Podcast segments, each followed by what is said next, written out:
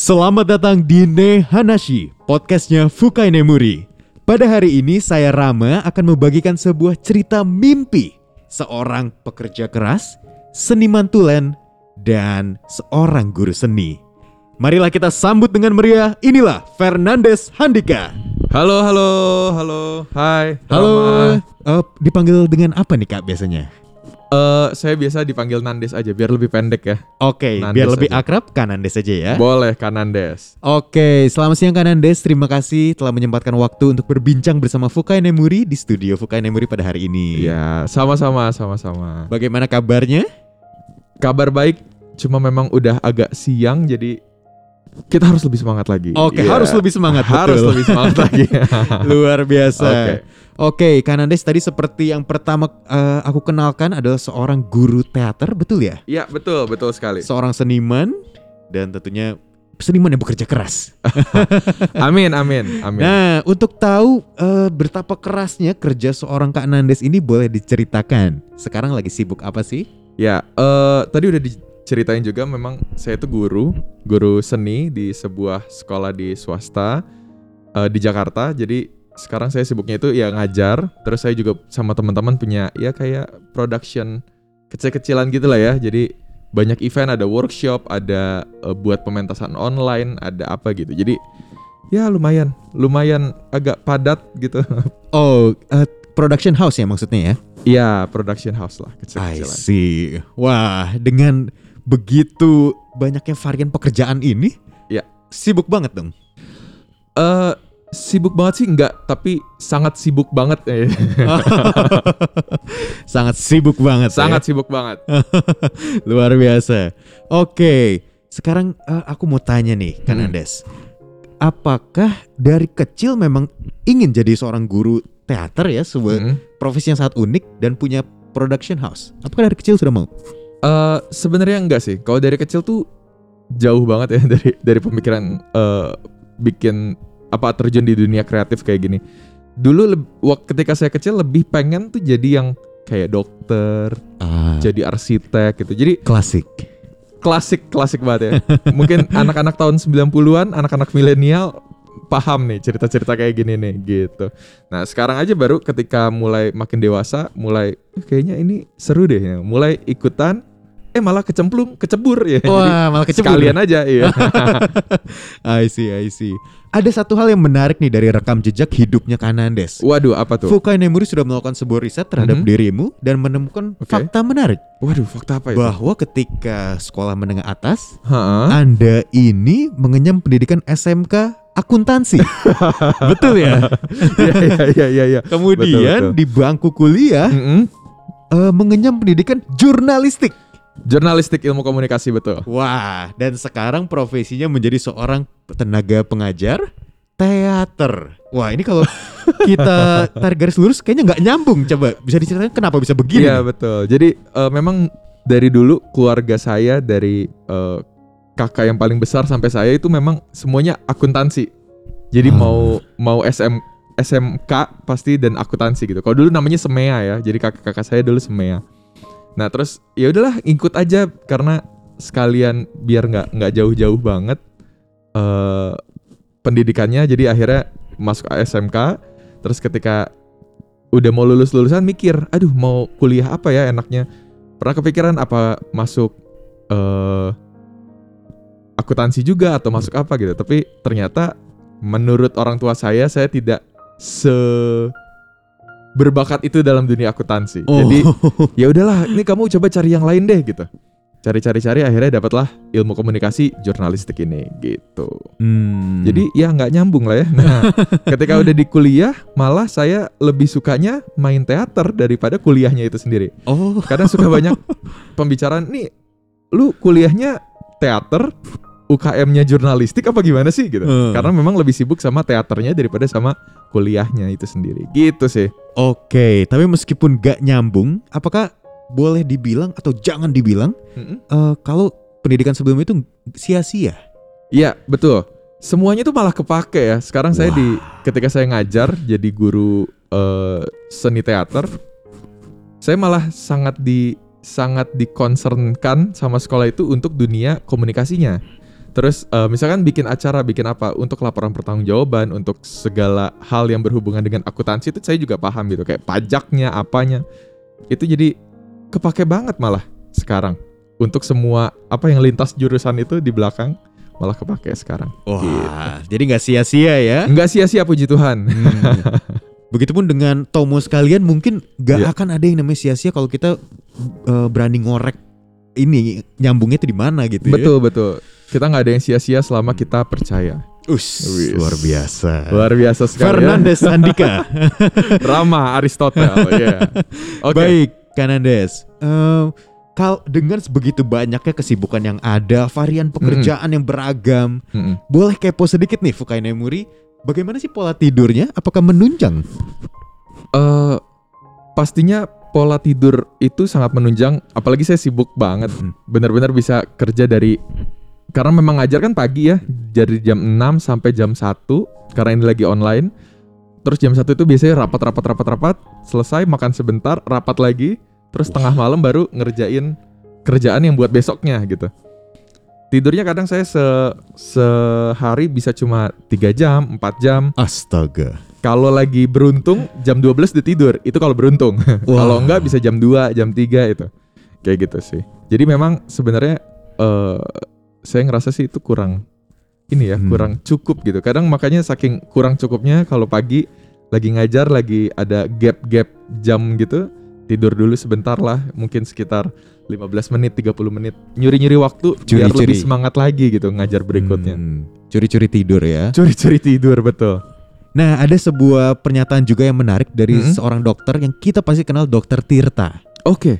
Itu pada salah satu video TikToknya Hmm. menyatakan bahwa kalau memang di malam hari kita gagal untuk mendapat tidur yang Hmm. panjang dan berkualitas, memang lebih baik curi-curi tidur di siang hari. Oh, oke gitu. oke oke. Jadi efeknya sedikit-sedikit eh, cukup positif gitu. Oke. Nah mungkin sekarang Betul. sudah di jalan yang tepat nih kan. Tapi memang yang paling benar ya untuk tidur di malam hari dengan teratur. Harusnya ya. gitu. Iya. Iya. Nah tadi kalau lagi beruntung tidur jam 12 Bangunnya jam berapa? Eh, karena ngajarnya pagi, seenggaknya tuh jam setengah enam, jam 6 tuh udah harus bangun. Karena jam 6 itu Oh. kita ada renungan pagi ya meskipun via online, tapi kan tetap harus ya Mhm. Bapak Ibu ya. Eh, para tomo sekalian harus agak rapi sedikit gitu. Jadi jam 6 lah pasti udah harus bangun, udah harus sadar gitu. Oke kalau saya kalkulasi secara cepat di kepala saya Berarti kalau lagi beruntung. Tidurnya lima setengah jam, 6 jam gitu Betul, betul sekali, betul sekali. Wah padahal yang disarankan orang tua kita dari dulu 8 jam per hari ya Harusnya 8 jam katanya ya, tapi nggak tahu deh. Oke ini. nanti saya eh, coba bantu Oke, risetnya Fukai Nemuri ini sampai mana gitu ya oke. Oke, nah dengan eh, pekerjaan yang banyak tapi Mhm. waktu tidur yang sangat singkat, apakah ada efeknya yang dirasakan? Eh, yang pasti saya jadi lebih capek, jadi sering capek. Apalagi karena kalau lagi padat-padatnya itu eh, makannya kurang, terus badannya jadi lebih capek dan mah akhirnya. Saya kurang tidur pun bisa mah. Jadi mah itu hampir setiap hari. Udah kayak langganan ya. langganan mah ya kayak gitulah. Jadi eh, berpengaruhnya ke badan dan ke cara pikir. Karena kan kalau misalkan saya sama production house kecil-kecilan ini lagi harus berproduksi yang kreatif, Hmm. itu kadang tuh suka stuck. Jadi kayak, Hmm. aduh ini gue ngapain lagi ya, gue nulis apa lagi ya kayak gitu. Suka gitu akhirnya. Oh, baik, baik, baik. Mm-mm. Ngestak ya? Suka ngestak otaknya, aduh kayak, Hmm. aduh ini gimana? Apa janjian kurang tidur apa-apa gitu? Apalagi Kanades adalah seorang guru yang bergerak di dunia kreatif ya. Betul. Jadi berpengaruh banget. Udah Hmm. ngestak, kurang tidur, tapi kerjaan harus selesai nih sebentar Ah. lagi ya. Pusing deh, pusing. Benar-benar. Dan untuk kerja di dunia kreatif tentunya jangan asal selesai, tapi harus ya bagus Iya ya. harus bagus juga ya, dituntut untuk bagus. Oke, begitu ya. Eh Kanades, aku punya sebuah riset yang menarik. Ya, oke. Ini diterbitkan oleh Hmm. sebuah jurnal bernama Sleep Health. Oke, Iya, Sleep Health. oke. Sebelumnya dia melakukan riset terhadap para atlet NBA. Atlet NBA, oke. Iya, atlet basket Hmm, Amerika. Jadi di, mereka meneliti eh, kebiasaan nge-tweet para atlet ini. Nge-tweet, oke. Nge-tweet, menulis di Twitter. Mm-mm. Karena dia masih main Twitter?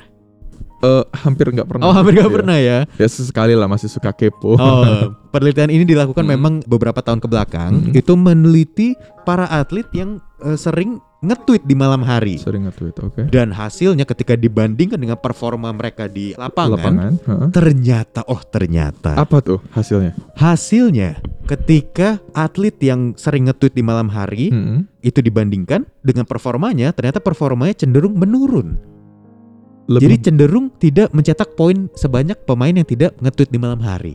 Oke, hubungannya sama tidur apa tuh? Nah, jadi karena dia yang malah nge-tweet bukannya tidur, Oke. jadi produktivitasnya berkurang dalam hal Oh, mencetak Oke, oke. angka di permainan basket. Iya, iya, iya. Gitu. Nah, itu kemudian eh, dikembangkan lagi jurnal Hmm. itu dan dipelajari ternyata bukan hanya dalam dunia basket.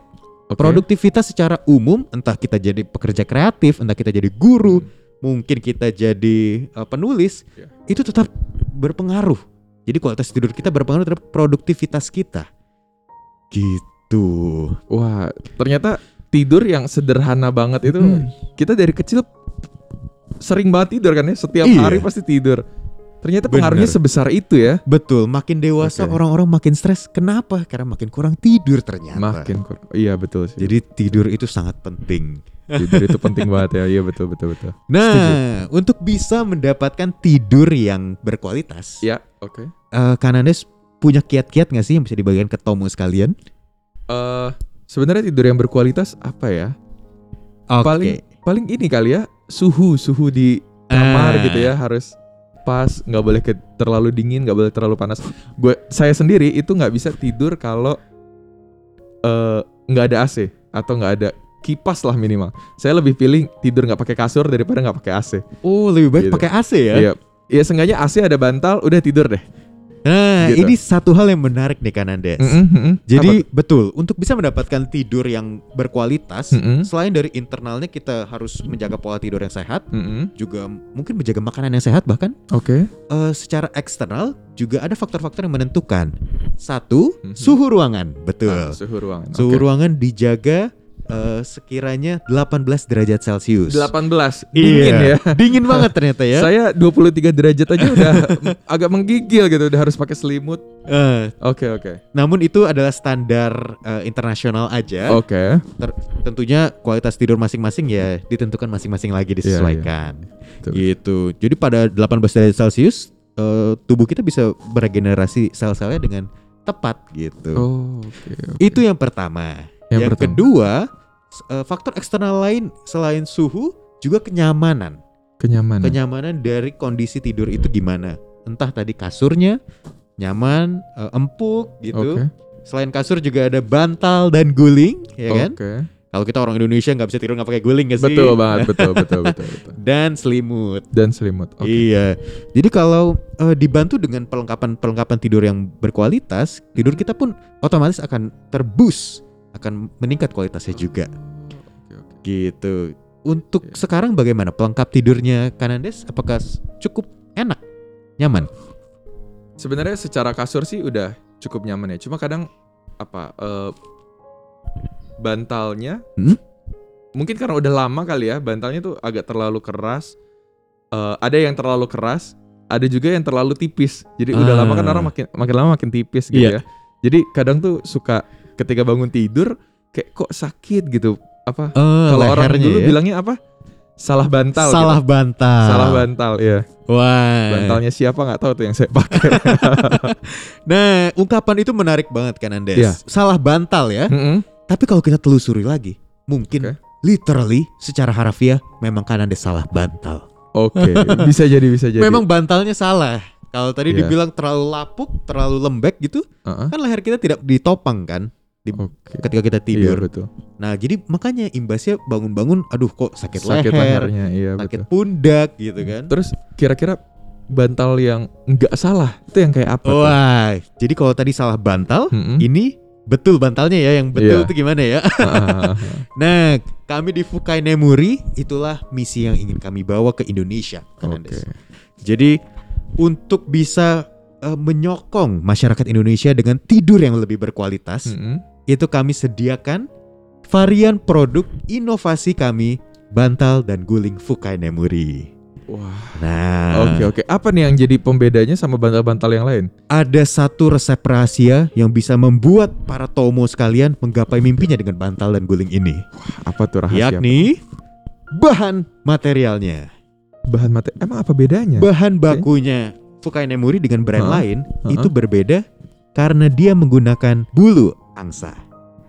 bulu angsa. Oh. Betul, swan. Iya iya pantas kalau bulu kalau kalau kita suka lihat angsa gitu ya. Kadang kan ada tuh kalau di danau di daerah BSD ya. Hmm. BSD. Iya, kadang ada angsa yang berenang-berenang itu bulunya memang agak puffy gitu ya. Iya, cantik, puffy, halus ya nggak Iya sih? iya iya iya, betul nah, betul. betul, Nemuri itu mengandung bulu angsa tersebut. Oh, menggunakan bulu angsa. iya. itu. Nah, Kananis dari tadi sebenarnya ya, ini Heeh. aku eh, nggak bilang-bilang nih. Sebenarnya tadi. Kananis sudah merasakan. Tahu nggak dari mana? Dari mana? Bantal yang Kananis pegang itu adalah Oh. salah satu varian produk Fukai Nemuri. Tepatnya Iya, iya, varian Natural Blue. Oh, pantesan. Eh. Dari tadi ini enak banget nih. Rasanya pengen langsung tidur. nggak nggak nggak berhenti nih mainin ginian. Oke oke. Bisa aja. nah, untuk Natural Blue Oke. satu ini Mm-mm. itu mengandung 70% daun bulu angsa. Oke. Iya, kalau Kanades tahu sebuah bulu bayangkan ya, Mm-mm. sebuah bulu itu ada bagian-bagiannya. Oke. Satu bagian tangkainya, ya kan? Mm-mm. Satu lagi bagian daun bulunya, Bulunya gitu. itu sendiri, Iya. oke. Nah, daun itu adalah bagian bulunya. Pantesan ini empuk Iya. banget dari tadi. Oke oke. Betul. Nah, selain Iya, iya, manfaat itu juga ada manfaat satu lagi. Mm-mm. Bulu angsa itu mampu menjaga suhu tubuh, mengikuti suhu tubuh. Ketika tubuh kita lagi panas, dia akan berusaha mendinginkan. Oke. Ketika tubuh kita lagi dingin, maka dia berusaha menghangatkan. Jadi selalu nggak pernah tuh kalau kita tidur pakai Fukai Nemuri tidak akan kepanasan atau kedinginan. Selalu adem enak-enak aja. Karena disesuaikan ya. Disesuaikan. Oke, oke. Itulah manfaat baik dari bulu menarik angsa. ya, menarik ya. ya ya ya ya. Nah, karena Kananda sudah bersedia datang ke sini, Mm-mm, kami mm-mm. pun berterima kasih Oh, atas iya. nama Fukai Nemuri Terima kasih. ingin membantu Kanandes menggapai mimpi-mimpinya berikutnya Oke. dengan cara tidur yang berkualitas lewat bantal Fukai Nemuri. Oleh Oke. karena itu, ini Wah. kami sudah sediakan. Sebentar ya kak. Wah. Apa nih? Wah. Ini adalah bantal yang Kanandes dari tadi eh, gunakan juga di situ. Natural Blue dari Fukai Nemuri. Wah, asik asik asik. Semoga bisa bermanfaat ini bantalnya kak. Amin. Terima kasih banyak Fukai Nemuri, terima kasih Rama. Wah, ini Sama-sama. ya empuk ya. Memang ya kayaknya beda sama yang di rumah. nih.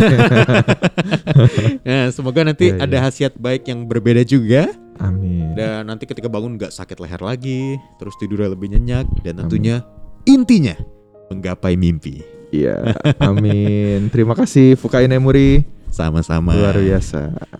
Baik kan Andes, untuk menutup bincang-bincang podcast Nehanashi kita pada hari ini, boleh membagikan closing statement untuk Tomo sekalian di rumah yang mendengarkan. Silakan. Ya, oke. Mungkin untuk para Tomo yang lagi mau kuliah, mau sekolah melanjutkan pendidikannya yang berikutnya, eh, jangan pernah takut, jangan pernah eh, minder ya. Oh, ini kayaknya gue cuma ngambil gini nih. Enggak. Eh, selalu ada jalan, selalu ada kesempatan yang bisa kita ambil ke depannya. Banyak banget hal yang bisa kita lakukan. Jangan lupa untuk tetap produktif, jangan tetap jangan lupa juga untuk pakai masker karena kita lagi pandemi ya. Buat menjaga kesehatan, jangan lupa juga buat eh, jaga kesehatan secara mental ataupun fisik. Mungkin juga dengan Fukai Nemuri ini ya kita bisa menjaga eh, kualitas tidur supaya fisik dan mental kita lebih terjaga gitu ya, lebih stabil, Setuju. gitu. Oke, mantap sekali. Oke, terima kasih kan Andes. Baik, mungkin sekian saja untuk Nehanashi pada episode kali ini. Mari kita menggapai mimpi bersama Fukai Nemuri. Dadah. Dadah.